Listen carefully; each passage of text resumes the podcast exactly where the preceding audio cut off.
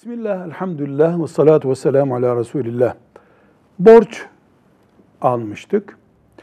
Biz günümüz gelmeden, ödeme günümüz gelmeden şu oldu, bu oldu, döviz yükseldi, enflasyon oldu. Benim aldığım para öbür taraf için değer kaybetti. Yani veren için, borç veren için. Borç veren fark koyalım buna. Ben zararımı e, karşılamış olayım diyor. Caiz midir? Faiz budur. Bu haramdır. Asla caiz değildir. Velhamdülillahi Rabbil Alemin.